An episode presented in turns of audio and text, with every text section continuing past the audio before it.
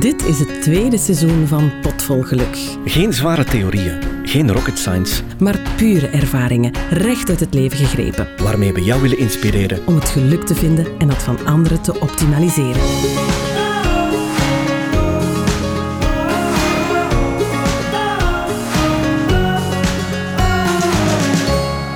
Dit is nog altijd seizoen 2 en Sophie, ik maak even de bedenking, we hebben tot nu toe minder bekende mensen gehad, maar we hebben er nu weer eentje bij de Lurven. Hè? We hebben, we hebben weer een, een, een BV of een BH, een bekende Hollander. Want hij treedt heel veel in Nederland op, tenminste als het mag. Pieter Verhelst, welkom in onze studio. Uh, hallo, hallo. Hey. Ik kijk er ook naar uit om nog eens een jonge man in onze studio te hebben. Ja, ik ook. Oké, okay, hoge verwachtingen hier. Uh, ga ze proberen in te lossen. Ja. want aan een jonge man een vraag stellen, wat is geluk, is toch altijd een beetje anders dan iemand die al heel veel kilometers op zijn teller heeft. Ik weet het niet. Misschien. We gaan, we gaan, allez, je mocht op het einde van de podcast kunnen dat dan concluderen. Uh -huh. ja. Maar Pieter, dus we kennen jou vooral als acteur, cabaretier. Ja. Jij maakt ook muziek dacht ik? Of schrijft muziek? Ja, die ik dan gebruik in mijn voorstellingen. Ja. Uh, ja. Um, stemacteur. Ook. Hij is, ja. hij is ondertussen ook fulltime uh, huisgenoot. Ook nog eens. ook nog eens, ja. Wat wil dat zeggen? Ja. Fulltime huisgenoot? Dat ik een, uh, een huis heb gekocht. Mm -hmm. Want hiervoor woonde ik... Ehm, ik heb vijf jaar lang in mijn camper gewoond, eerst. Mm -hmm. Waar ik dan ook nog mee ging toeren. Ja, dat wist je niet, Luc. Nee, nee, nee, nee. nee. ja, um, uh, ja, inderdaad. Dus ik heb daar vijf jaar in gewoond. Maar allee, een camper, dat is met een douche en, en een keuken. Allee, mini-keuken dan zo. Hè. En um, uh, uh, ja, dat heb ik dus heel lang gedaan. Ook omdat ik dan opeens heel veel in, in Nederland ging spelen.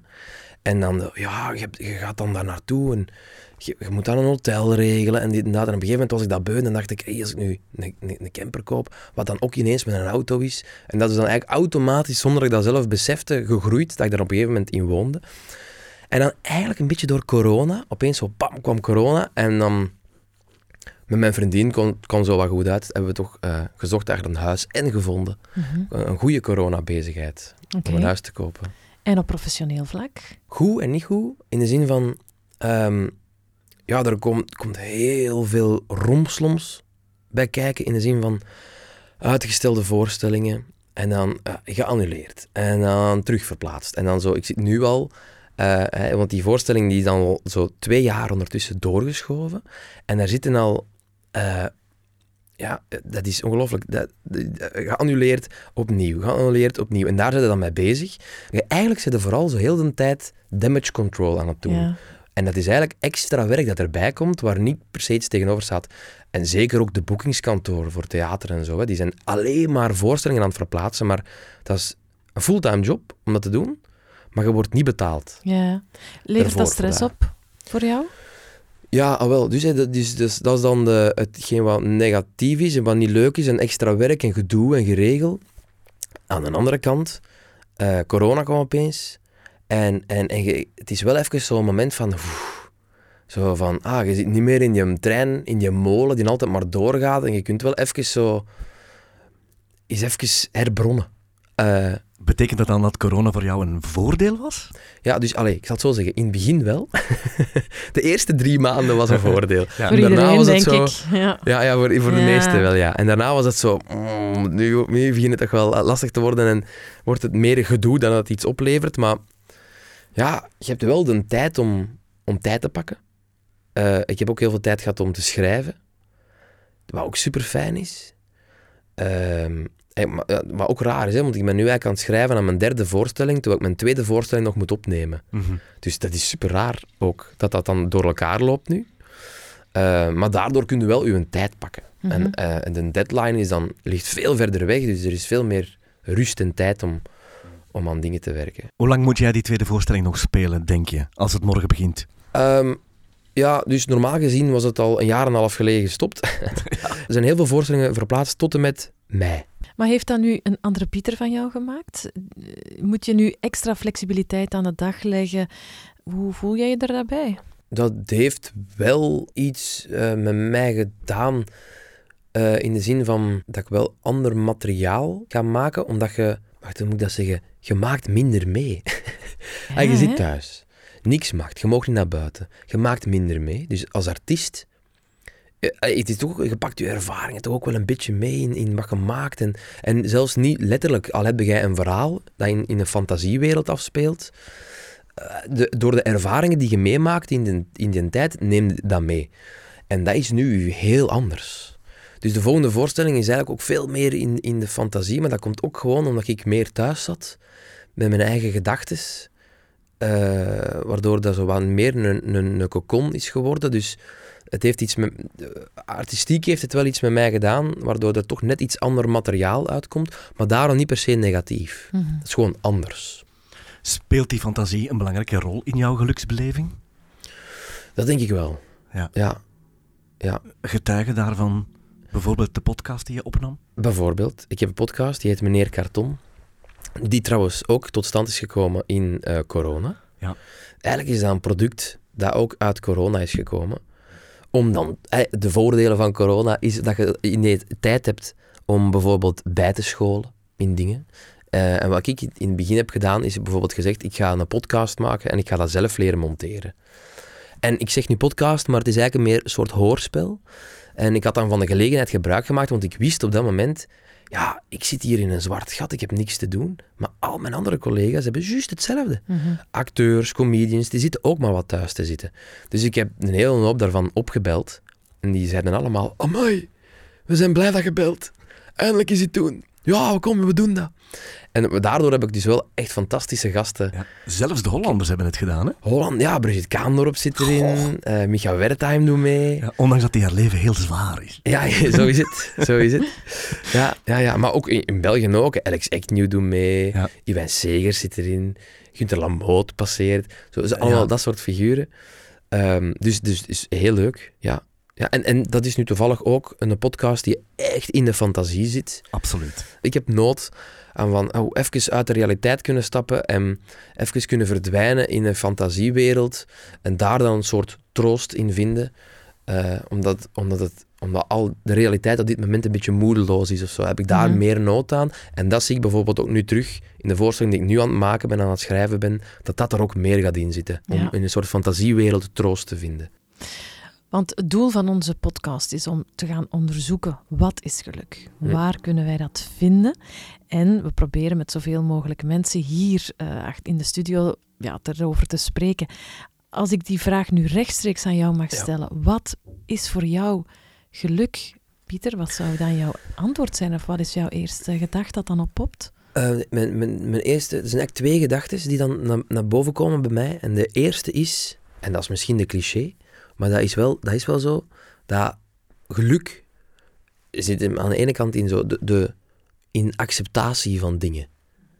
Is dus eigenlijk dat je bijvoorbeeld zegt, ah, voilà, ze, waar ik nu zit, waar ik nu ben, ik zou op geen enkele andere plek in de wereld nu willen zijn. Dat je dat kunt accepteren. De muziek die nu opstaat, is nu de muziek. Ik zou geen enkele andere plaat in de wereld nu willen opzetten dan dit. En eh, het landschap waar ik nu naar kijk is perfect. En dat dat nu op de Tafelberg in Afrika is of eh, in, in, in een of andere koterij eh, in België, dat maakt al niet uit. Als jij u daarbij, als je dat kunt accepteren en als je tegen jezelf kunt zeggen, dit is 100%, ik accepteer dit, ik ben hier blij om, dan is dat oké. Dan spreek je nu over een momentopname, een gevoel dat je eventjes ervaart van, oké, het is even in orde. Of bedoel jij nu een soort van algemeen bewustzijn dat ook langer dan een paar minuten duurt? Eh, eh, eh, dat is beide, uiteraard. Absoluut beide. Maar dat, dat kan inderdaad een paar seconden zijn. Dat je denkt, oh my, dat, dat, je dat, dat, dat u overvalt. Ik denk dat dat heel vaak u overvalt. Dat kan ook langer duren. Hmm. Ehm, en bij mij, bijvoorbeeld, gaat dat dan toch... Als ik dan nu denk aan de momenten dat dat bij mij eens een keer is voorgevallen... Gelukkig is dat bij mij eens voorgevallen. Ik ben blij dat dat gebeurd is. Eh, pas op, dus ik kan me voorstellen dat er mensen zijn die dat... Maar bij mij is dat heel vaak dat dat dan gepaard gaat met geen stress. Dus dat stress daarin een heel grote factor speelt. Dus dat je echt u, u, u 100% kunt afsluiten van stress. En dat je dat, dat gevoel, wat, wat volgens mij wat niet makkelijk is. Hè.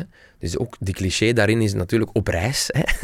dat je ergens op reis zit en dat je dan op een bepaald moment je dat overvalt, omdat je totaal uit je eigen leven bent, of uit je leven bent getrokken en dan ergens wordt neergezet en dat je dan opeens dat, dat, dat gevoel over je heen krijgt. Ehm, maar dan kom ik automatisch bij het andere uh, gedeelte wat voor mij geluk is. Ehm, dat dat geluk toch ook heel vaak bij mij dan gepaard gaat met grote emoties. Eh, diepe dalen, hoge hoogtes. Zodat. Mm Dus dat je, ehm, dat als je iets, ja, als je grote emoties ervaart, en, en, intense emoties, en dan heel vaak zijn grote intense emoties, is, de eerste is irritatie, kwaadheid. Je komt toch heel snel zo in dat straatje terecht. Zo, of emoties die, die samengaan met afzien, of met, met, met ongemak, of uit je comfortzone worden getrokken. Uh, als je dat heel hard ervaren hebt, dan is de kans ook heel groot dat je, als je een diep dal hebt gehad, dat je dan daarna ook een, een, grotere gelukzaligheid kunt voelen. Mm de, de contrasten van, van, van die twee. Zo. Maar hoe ga je dan op het moment van zo'n diep dal en zwaardere, intense emoties, hoe, hoe ervaar je dan geluk? Heb je dan iets van, oké, ik moet hier nu zitten, want mijn geluksmoment komt nog? Of kan je daar ergens ook wel... Ehm, ja, van genieten is niet het juiste woord, denk ik, maar ergens ook accepteren? Want dit is nu echt een heel kut moment. Uh, ja, ja, ja, absoluut. Maar ik denk als je, als je hoopt van, ah, Sam, zal ik me wel, zal ik, eh, zal ik wel dat gelukmoment ervaren, dan als je dat al met die insteek erin gaat, dan denk ik dat het niet rap gaat komen. Mhm. Maar, maar als, ik denk dat u vooral moet overvallen. En hoe Kameretten had gewonnen, dat was voor mij een gevoel van gelukzaligheid. Maar waarom? Omdat die, omdat die wedstrijd ook puur afzien was. In de zin van heel veel stress. Er komt heel veel stress op u. Je wordt echt uit je comfortzone getrokken. Je stelt je heel kwetsbaar op. Je, je, je, je, levert je eigen over aan... Allez, je komt op in een zaal terecht, daar zit opeens 1500 man. Die finale was dan in het grote Luxor in Rotterdam. Ja, even misschien ter verduidelijking. Het gaat over een cabaretier-wedstrijd in Nederland die jij gewonnen hebt als Vlaming in 2016, denk ja, ik. inderdaad. Ja. Prestigieuze prijs, toch? Hè? Ja, ja. Kameretten, dat is, het, dat is zo het, grootste cabaretfestival in, um, in Nederland. Dus jij ja, voilà. wint daar? Ja, ik win dat.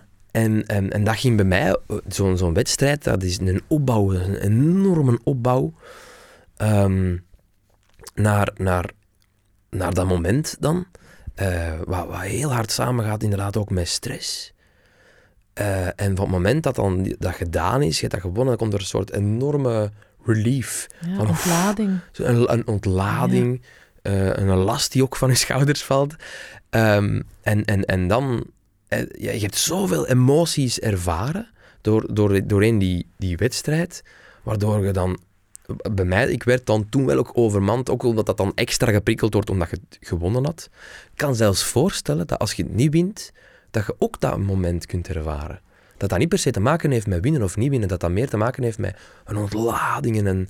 Stel, jij komt daar als laatste uit de bus dan zit je toch ook met, met die teleurstelling, met een vorm van frustratie, vragen. Ja, al die tijd dat je erin gestoken hebt. Waar? Als je kunt accepteren van het is oké dat ik niet gewonnen ben. Het is oké uh, dat ik, uh, ik heb mijn best gedaan. En uh, waar ik neer heb gezet, daar mag ik prima trots op zijn. Mm. Ook al ben ik niet gewonnen. Ik mag er trots op zijn. En als je die acceptatie hebt, dan kun je ook denken: wauw, wat een ervaring was dit. En wow, wat heb ik hier allemaal meegemaakt. En hoe fantastisch was dat.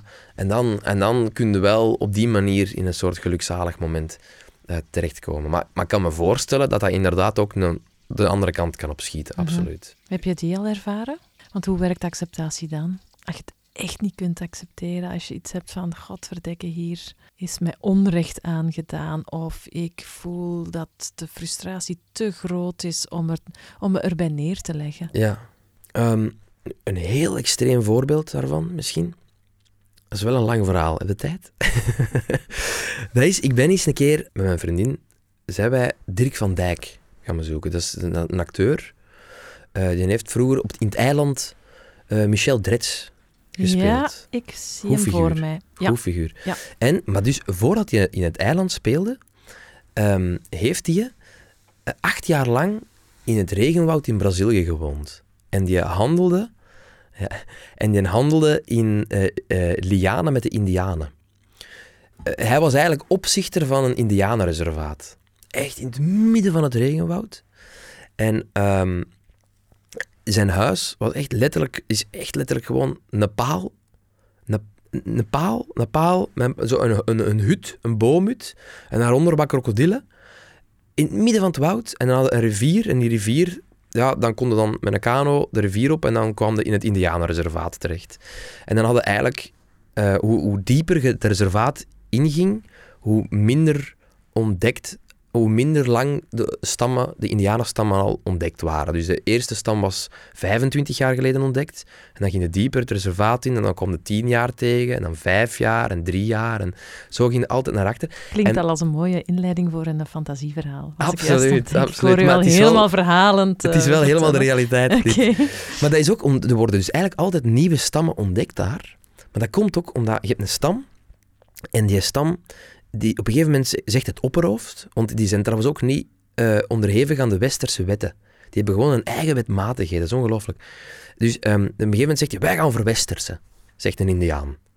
Oké, dan gaat die stam verwestersen en dan krijgen de indianen met gsm's en met, met een... In het midden van het regenwoud, zo'n keigrote satelliet en dan een, een flatscreen en dan een dikke radiator, alleen zo'n generator. En dan kijken ze voetbal. Super raar, in het midden van het regenwoud. Maar en op een gegeven moment kan het ook zijn dat een stam zegt, ja, wij willen dat niet. Wij willen ons vasthouden aan de oude gewoontes en die scheuren af van die groep en die verdwijnen in het regenwoud. En dan, als er één generatie overgaat, dan zijn dat kinderen die nooit in contact zijn gekomen met de westerse samenleving. En dan hebben we dus eigenlijk terug een niet ontdekte stam na één generatie. En zo blijven er eigenlijk altijd terug opnieuw nieuwe stammen ontdekt worden. Maar dus, hij handelde daar met die, met die indianen en eh, wij zijn die gaan bezoeken. Natuurlijk dan tien dagen voordat je daar geraakte, in want je moest dan met een bootje en een kano en nog een bootje, voordat je dan uiteindelijk daar waart, niks. Dat was echt letterlijk niks. En ehm, het eerste wat je denkt is toch, je zit heel de tijd met een soort ongemak. En dus dan komt er al bij dat gedeelte van geluk, het afzien of zo. Ehm, er, er is een enorme ongemak en je wordt volledig uit je comfortzone gehaald. Want op elke boom zit er een dikke tarantula van hier tot in Tokio. en je gaat naar de wc en op de wc zitten gewoon drie gifgroene spinnen. Gewoon, gewoon fluoriserend groen. Dus en ja, alles is daar gewoon vijf keer zo groot. Een kakkerlak is gewoon zo groot als een rat. Niet, alles is daar gewoon gigantisch groot. En op een gegeven moment zeiden... ehm, dus je bent al heel de tijd zo oncomfortabel, maar op een goede manier wel. Het is wel spannend. En, eh, maar op een gegeven moment zei wilde jij misschien... ehm, ik heb hier een lokale indiaan. Ik kan geen woord Engels. Wel, ik kon ook niet praten met die mensen. Maar wilde jij met hen misschien de onbewoonde rivier afgaan? Expeditie van drie dagen. Van, ja, jongen, we moeten dat doen. We doen dat. We zijn hier toch. We zijn hier toch. Maar ik vroeg wel, ah, maar waarom is de onbewoonde rivier? Ja, heeft wel een reden. Dat is omdat het eh extreem moeilijke rivier is. Omdat het, he- er heel veel insecten zijn. En heel veel wildlife. Dus eh, het is jaguargebied ook. Eh, eh, heel veel krokodillen en... eh enfin, ik zeg, ja, kom je, we moeten dat doen, we moeten dat doen. Mijn vriendin, bang? mijn vriendin was daar ook bij. Geen bang, ja, gezonde stress. Ja. Zal ik, het, ik zal het zo noemen, gezonde stress. Ehm, ehm, wel, eh, maar wel spannend. Mijn Ja, vriendin eh, was daar ook bij, die moest ook... Als, ja, ik kan me voorstellen als vrouw dat, dat je toch ook wel Ja, extra pit. Dus die moest er eigenlijk ook echt goed over halen om, oké, oké, we gaan dat doen, oké, we gaan dat doen. Dus met een indiaan, die kon niet yes zeggen, die kon niet no zeggen. En dat is nog een aspect van zware ongemak. ja, dat is niet duim omhoog en naar beneden. Nee, hè. nee, je kon dat ook niet uitleggen van, zullen we anders zo communiceren? Nee, nee, dat, dat, dat, dat ont- je kon je letter tegen elkaar zeggen. Niks, dat was heel raar. Dus die kon ons ook niet veilig doen voelen, op geen enkel moment. Hoewel die wel, het is wel goed dat hem erbij was, hij is wel de expert natuurlijk. Hè. Behalve één woord. Eén woord hadden we ehm, uiteindelijk eh, tot de conclusie kunnen komen, namelijk het woord gevaar. En, en dat, bij hem heette dat dan, dat was zo'n aftaksel van het Portugees, perigoso. Dus wij ook heel de tijd perigoso, perigoso, perigoso, perigoso, perigoso. Zo, oh, oh, oh, had dan, enfin. En dan ehm, op een gegeven moment, eerste nacht in het, in het ding, wat doe je dan? De zon gaat onder, dus je sleept je bootje aan de kant en je slaagt gewoon je kamp op. Ja, ja, die begint zo wat te koken. Zo wat op zijn Indiaans. zo, hè. En echt, ik werd helemaal ondergebeten door de, door de muggen en ik zat daar kapot. Want ik had natuurlijk ook... Ja, ik had dan zo, weet je, ja, zo het clichépak van zo'n eh, van zo'n toerist met zo'n netteke. En, maar je, je wilt dat ook, want je wordt je denkt echt... En ik zei Zo'n toen... kakkie exemplaar uit een Ice Adventure. Ja, exact. exact. Echt zo dat je ook denkt, wauw, ik zit hier echt als een cliché-toerist naast een indiaan die hier letterlijk in zijn onderbroek zit. Die zit hier letterlijk in zijn onderbroek. Die heeft geen ene muggenbeet ook. Dus die wordt ook niet lastiggevallen door die muggenbeet. En zijn lichaam is gewoon aangepast aan het klimaat. Ongelooflijk. En ik, ik ben helemaal ingepakt en ik word toch nog, ondanks mijn pak, helemaal En opgebeten. Deed in mijn gezicht en alles, overal. Ik moest... En dat helpte ook niet. Dat helpte niet. Dat was ongelooflijk. En het was zo warm dat ik mijn vriendin aankeek en ik zei... Amai, ik ben zo hard aan het afzien. Van mij mag het echt onweren deze nacht. Ik moet regen hebben. Enfin, de nacht breekt aan. Piekendonker. Je zag echt, je kon je vinger niet zien van op twee centimeter afstand. Maar niet, hè. Zo donker was het. En uit het niks, ik denk in, in twee seconden tijd, ging het van 30 graden naar 15 graden. Maar echt instant. En we zaten gewoon instant in een soort orkaan. Maar, en dat was ongelooflijk. Dat was dus... ehm, eh, dus de, de, de Indiaan had zijn hangmat opgehangen, want je slaapt dan in een hangmat tussen twee bomen. En die orkaan kwam op en dan zo wind. En die vloog uit zijn, uit zijn, eh, uit zijn hangmat. Die, ik hoorde dat dan, want ik zag het niet, maar ik hoorde dat dan. Dat die uit die hangmat, die rolde in het water. En eh, het eerste, wat, dus tussen de krokodillen, dat was helemaal, al, helemaal in paniek. En, en die ehm, komt daar terug uit en die ehm, rolt zijn hangmat op. Heel snel, in een donkere. Die steekt dat weg. Die pakt een machete en je loopt dat bos in. En, we waren die, en wij hingen daar nog. Ah, ik wou juist zeggen, Ja. jij ligt nog in je hangmat. Dus wij lagen nog in die hangmat. En die was dat bos ingelopen. En het begon te stortregenen, te stortregenen, te stortregenen. Wij hadden dan een zeil, dat was instant weggevlogen. Dus ik probeer dat zeil te pakken. En ehm ik zeg tegen mijn vriendin nog, die in de hangmat eh, ligt, zeg, Helene, kom nu uit die hangmat. Je moet mij helpen. Je moet mij helpen. En die zat zo wat heen en weer te schodderen. En dat water, dat droop in die hangmat, die zat echt op, in twee minuten tijd zat die tot aan haar kin in die hangmat, in het water. En die zat heel wat heen en weer te schudderen. En die zat keihard te roepen op mij en te zeggen... Het is allemaal uw schuld.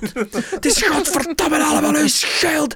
Ga, wou onweer. Hier heb je een onweer. Zet er content. Zet er content nu. Ik zeg, Elinde, help niet. Je moet mij helpen. Nee, het is uw schuld. Oh, echt. af- En opeens komt dan de indiaan terug uit dat bos gelopen met lianen. Dus hij was lianen gaan kappen. En die begint gewoon, gelijk een, een mekado-manneke, begint hij zo boven zijn um, begint hij een, een, een afdakje te maken. Zo. En, echt gewoon, dat, ging zo snel en dat was zo instant gemaakt. Voor hem dan, en waarom dan zijn hangmat kon onderhangen. En dan liep hij terug het bos in, kwam hij met lianen voor ons. Om dan voor ons ook zo een kamp te bouwen, zodat we beschermd waren voor de regen, in zover dat het dan kon. Maar ja, wij waren natuurlijk niet zo slim om onze hangmat te beschermen tegen de regen. Al onze kleren waren zeiknat. Alles was zeiknat. Maar ja, die kon ook niet met ons communiceren. Dus die, die keek daarna en die zei gewoon... Hmm. En die ging in zijn hangmat liggen en die ging slapen. Maar ondertussen liegde dan ijskou af te zien. Je hangmat vol water, want ja, dat is wel leuk dat je zo'n dakje hebt, maar dat regent gewoon heel snel door. En je ligt daar wat te liggen. En je hoort ook ah, vallende bomen om je heen. Dat is ook heel, heel confronterend. gezellig. Ja, je, je ligt in een bos in het regenwoud. Je weet, als er nu iets gebeurt, dan duurt het twee weken voor ik in een ziekenhuis ben. En je hoort... eeuw, pff, eeuw, pff, Zo bomen vallen. Dat is verschrikkelijk. Eeuw, pff. Dat is, ja, en, en je weet dan nog... Ah, shit, en we zitten hier ook nog eens in een jaguargebied. En zo al die dingen bij elkaar. En dan ijskou. En dan heel de nacht geen oog dicht gedaan. Maar echt geen oog... Niet kunnen slapen van de kou gewoon ja, ook van alles zeiknat. En dan s'morgens, dat is zonnig. En dan zo, die, die onweer duurde ook echt acht uur. En dan, onweer was gedaan, de ochtend breekt aan. En ehm, we breken onze tent af. En eh, een indiaan komt naar ons en die maakt die lianen los en dat zeil valt naar beneden. En ik denk echt op het plek waar dat zeil zo 10 centimeter van mijn hoofd hing, zat echt zo'n reusachtige spin. En die viel op de grond. En hij had het nog nooit ene keer gezegd in al die tijd dat we daar waren. Maar die indiaan die sprong weg en die zei... Perigoso. Perigoso. En wij ook... Hij heeft het gezegd. Hij heeft het gezegd. Nu moeten we oppassen. Wat ook al was, dat was echt een hele gevaarlijke spin. Maar dan denk je ook, wow, die spin heeft gewoon acht uur lang in je onweer boven mijn hoofd liggen bengelen. Wow, what the hell. En wij stappen dat bootje in. Dat was dag één, hè. We moesten nog twee dagen.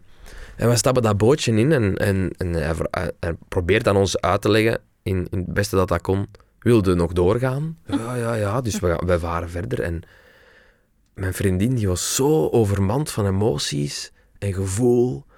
Die begon opeens keihard te huilen. En, en die, die zei van, ja, ik, ik, ik kan deze niet. Ik voel mij, ik voel mij zo in gevaar. Ik moet, ik moet hier weg. Maar ja, voordat je dat krijgt uitgelegd aan die indiaan, want je vraagt gewoon rustig verder, hè, die peddelt gewoon rustig verder.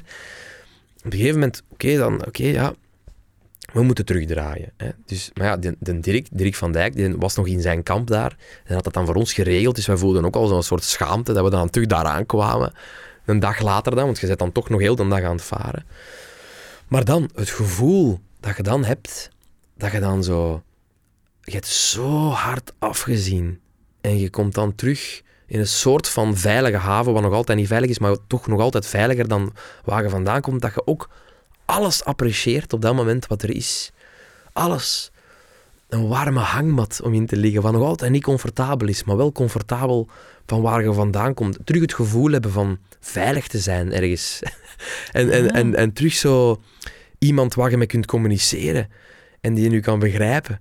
Zo dat, en dat zijn echt die basisbehoeften, hè? Ja, dus de basisbehoeften. Iets van eten, dak boven je hoofd, ja, veiligheid. Exact. En dat gevoel dat je dan hebt van eh, dingen die je eigenlijk heel hard voor granted neemt, totdat ze je ontnomen worden en totdat je in een situatie terechtkomt waar dat niet aan de hand is, dat je, en dan het gevoel daarna denkt, wow, wow. En ik weet nog dat ik een soort van door dat oerwoud liep, de, de twee dagen daarna, zo alleen in de buurt van, van dat kamp, zo met, met een heel gelukzalig gevoel. Mhm. Omdat we zo iets enorm overwonnen hadden, voor mijn gevoel dan. Allemaal emoties hadden ervaren die ik nog nooit in mijn leven had gevoeld. En dat was, dat was, dat was fantastisch. Maar hoe lang neem je zoiets mee naar huis?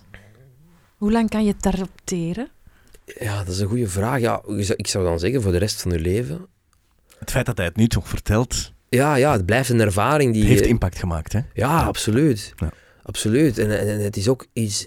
Het is zo absurd groot in al zijn elementen. Um, het is zo extreem. Uh, ja, nee, je neemt dat wel mee voor de rest van je leven, denk ik. Ja. Maar bijvoorbeeld, dat is heel raar hoe dat, psychologie bijvoorbeeld werkt en dat je hersenen, ja, als, als, want je hersenen willen je veilig laten voelen. Die willen je het gevoel geven van veiligheid en uh, mijn vriendin, die heeft eigenlijk een schrik van spinnen. Ah, dat moet er niet het regenwoud zijn. Dat is niet de, plek to, niet, niet de place to be. Maar voor een of andere reden, na een paar dagen, kon die daar eigenlijk vrij goed mee omgaan. Raar, hè? Dat je hersenen dan gewoon denken... Uh, buiten de, de, giftige groene spinnen. En dan moest ik natuurlijk... In de, nou, hè, dat is iets anders, maar zo... De, de gewone, normale spin kon ze mee omgaan. Komen thuis, de eerste paar weken pakte die gewoon, heel raar, die pakte gewoon een spin vast opeens. En die zet dat buiten. Die pakte dat vast. En ik dacht, Lin, wat doe nu? Terwijl vroeger sprong die op de tafel en zei ah, ah. En die pakt dat opeens vast en die zet dat weg. En, en ik denk na twee, drie maanden, ik, lig, ik, lag zo, ik, zag, ik zat in de zetel en ik hoor opeens een geroep. Ah, ah, en ik loop naar boven. Ik zeg, wat is er, wat is er, wat is er? Daar zit een spin! Daar zit een spin! Ik zeg, maar alleen, paar maanden geleden pakte jij gewoon een spin vast en je zet die buiten. En nu zit hij opeens terug. En dat was gewoon exact hetzelfde wat er daarvoor terug was. Dat was gewoon terug geestablished. Van, dat gevoel was gewoon rustig teruggekomen. Maar dat duurde wel heel lang voordat ze dan terug mhm. daar schrik van had. En mhm. voordat je hersenen eigenlijk terug statisch quo waren van waar ze daarvoor. Of in uw oude patronen terugvallen. Of in, in oude patronen. Mhm. Hoe kijken jullie nu terug op die uh, toch wel stevige ervaring? Ja, allee, ik, ik, ik kan alleen spreken voor mezelf. Maar, maar uh, uh, ja, ik vond dat echt fantastisch. Ja. Ik vind dat echt fantastisch. Want dus een, een, een, een, zoals ik daar straks ook al zei, een groot deel van geluk zit er mij ook in, in als je daarvoor um, hebt afgezien, mm-hmm. dan ervaart daarna geluk intenser, ja. voor een of andere reden. Het past wel dat in, gevoel heb ik. Het past wel in uw verhaal. Hè? Het geluk volgens Pieter Verelst is acceptatie van het moment. En twee, what doesn't kill you makes you stronger. Exact. Exact, ja. Ik vind het wel een mooie. Ja. Ja. Ja, maar we kunnen niet met z'n allen naar het oerwoud om uh, nee, bedreigende situaties te gaan uitlokken. Nee, maar dit is natuurlijk een, een, eh, een, een zeer extreem voorbeeld. Ja. Terwijl je kunt dat ook op uh, um, extreem kleine schaal. Is dan de, beluk, de geluksbeleving even groot? Dat hangt van je acceptatie af, denk ik dan. Je kunt ook gewoon gaan wandelen. En, en, en, en, en opeens begint het eh, je hebt kou en je vindt dat niet fijn. Mhm. En je komt terug thuis en je gaat voor het haardvuur zitten en je denkt, oh, even wat handen opwarmen. Dat kan je ook een gelukzalig gevoel geven. Mhm. En dat is nu wel iets wat, wat, we regelmatig uh, meemaken. Ja. Ja, ja. Maar, maar wat ik dan eigenlijk vooral belangrijk daaraan vind, is dat heel vaak mensen um, negatieve dingen uit de weg willen gaan. Zoals, ik wil niet afzien. Mhm. Of ik wil niet... Um, uh, ik wil niet geconfronteerd worden met, met, met gevoelens die ik nog niet ken, of met, met dingen die, waar ik maar niks mee te maken Ik wil niet uit mijn comfortzone worden getrokken. Terwijl ik denk dan van, ja, jawel, doe maar, doe maar. Ik vind het fijn. Ik vind het nu geen fijne ervaring, of ik vind het nu...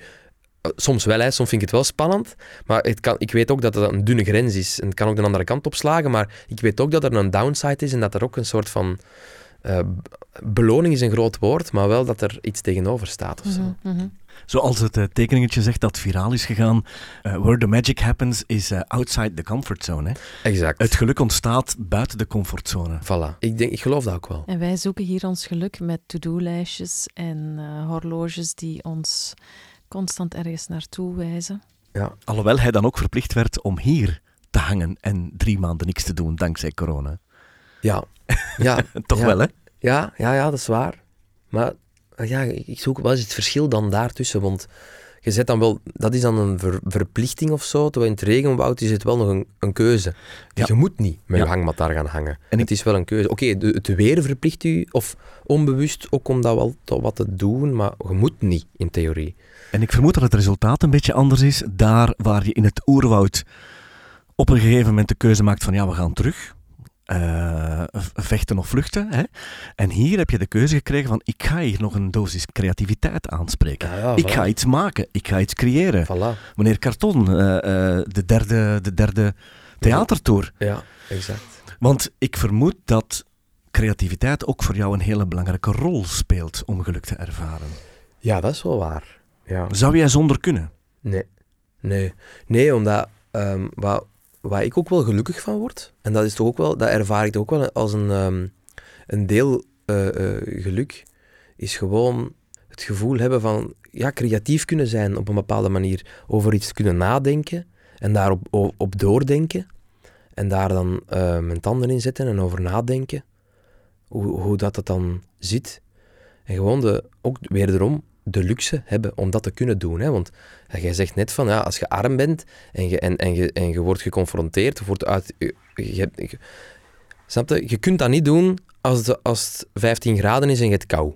Hè? Je moet de omstandigheden kunnen hebben om dat te kunnen doen, maar in mijn geval kan dat dan.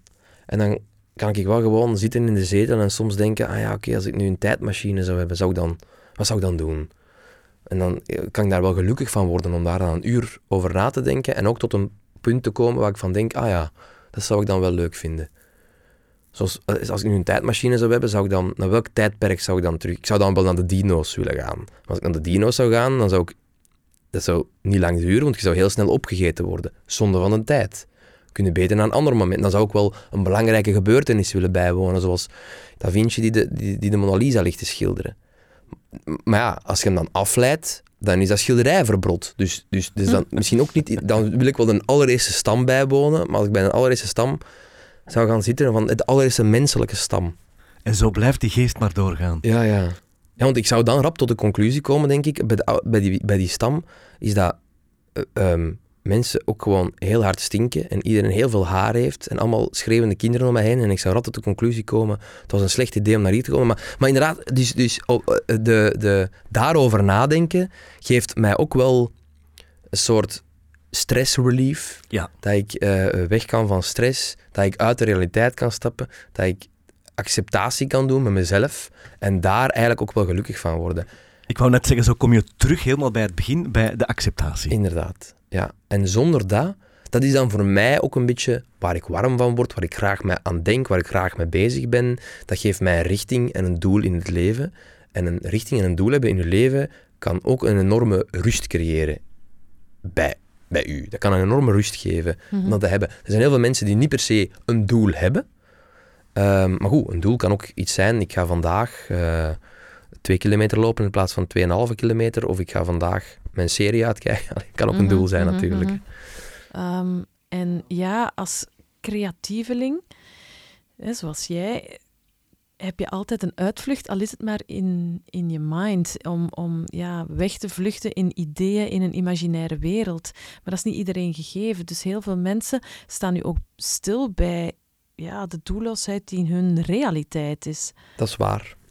En, en, en bedoelde dat dan omdat dat dan gestuurd wordt door corona? Dus Ik mensen... denk dat het wel fel aangestuurd is nu door corona. Of dat corona bepaalde pijnpunten extra in de verf heeft gezet. Ja, om- en bijvoorbeeld als iemand werkt en en- en vindt zijn werk leuk en opeens zit je een jaar lang thuis Ja. en als die mens dan geen hobby's heeft, dan kan ik me wel voorstellen dat je je heel doelloos voelt, Ja. bijvoorbeeld. Dan kunnen we die mens toch wel best aanraden om naar deze aflevering van podcast, van Potvol Geluk te luisteren. Want we hebben toch wel wat inspiratie geleverd vandaag. Ik hoop het, ja. Ja, ik vind het wel. Ik vind het wel, Pieter. Ik vind jouw visie best oké. Ik ga, ik ga, ik, Best oké. ja, ik, ik, ik moet er ook Geen een 10 op 10. Nee, maar het is voor mij een nieuw concept. Hè? De acceptatie van het moment zelf. Ten tweede, er is wel wat... eh, er, is, er is groei nodig. Hè? Mensen gaan klassiek gezien even door een dal om er daarna weer beter van te worden. Hè? De chaos is de motor van de orde. En de creativiteit die, die zo belangrijk is, dat vind ik toch wel een pakketje waar ik iets mee kan. Ja. Maar die creativiteit is, voor, denk ik, hè, voor mij heel persoonlijk. Dat is voor mij persoonlijk dat dat werkt. Maar ik kan me voorstellen dat bij andere mensen creativiteit, dat, ze- dat die dat, of, of dat die een doel of een, of een, eh, een gelukzaligheid ervaren met iets totaal anders of zo. Dat kan ook, hè. Ja. Als mensen, eh, zo, ik, bijvoorbeeld, ik denk dat heel veel mensen ook heel veel gelukzaligheid kunnen ervaren bij sporten. Mhm. Dat is niet creatief zijn per se. Dat is meer met je lichaam bezig zijn. En, maar dat is ook oké of zo. Maar dat is een totaal andere manier van... Goh, als, als ik dat doortrek naar Kevin De Bruyne, is die ook wel best creatief in zijn sport. Want Ja. anders zou die niet zo gemakkelijk kunnen scoren. Waar, maar dat is dan weer een heel extreem voorbeeld Ja, ja. natuurlijk. Ja, maar dat ben jij ook voor mij een beetje, want haal de creativiteit bij Pieter Verelst weg en een groot deel van jouw persoonlijkheid valt als een pudding in elkaar. Hè? Wat jij allemaal met creativiteit aanvangt, want we hebben het er niet over gehad, maar je hebt ook in een musical gezongen. Met slechts twee acteurs, waarvan jij de helft voor je rekening nam. Ja, is waar. Dus er zijn zoveel zaken die, die, eh, eh, waarvoor jij creativiteit nodig hebt om te kunnen zijn met een hoofdletter. Ja, dat is wel waar. Dat is Is- een mooie. Maar dat is wel, dat is wel, dat is helemaal waar. Maar dat is ook omdat, omdat ik nu ehm, creativiteit ehm, ook ervaar als een doel in mijn leven en als een, als een onderdeel, is gewoon een onderdeel van mezelf. Ik word daar gelukkig van om daarmee bezig te zijn. Je zou, eh, allee, zoals bij elke artiest is creativiteit een hobby. Eh, en, en, maar dat is ook mijn beroep geworden, ook nog eens. Ja, het is een talent dat je benut hebt, hè? ja, ja, Dat je ontwikkeld hebt, dat je Ja. benut hebt, waar je aan Ja. bouwt. ja. Ik hoop dat ik nog heel veel dingen mag zien van Pieter. Ik heb er een paar mogen zien. Nog niet alles, maar ik vind het best wel oké wat dat event maakt. Ja. Kom maar eens kijken, zou ik zeggen. Ja, ja, ja. Amai, hè, zo heet hem. Hè. Nu, nou, ja, amai, tot en met mei nog. Heeft de volgende al een naam? De volgende? Ehm, het is een werktitel, maar waarschijnlijk ten aarzel. Ten Ah. aanval met een aarzeling. Ten aarzel. Ah, Wauw. Oké. Heel creatief. Ja. Fijn. Super. Pieter, wij willen jou enorm bedanken voor eh, deze ja, inspirerende inkijk in de manier waarop jij in het leven staat, waarop dat jij denkt en handelt. En ik hoop dat het een inspiratiebron kan zijn voor vele luisteraars. Ik hoop het ook. Voilà. En dan uh, willen wij jou enorm bedanken om hier aanwezig te zijn in de studio. Graag gedaan.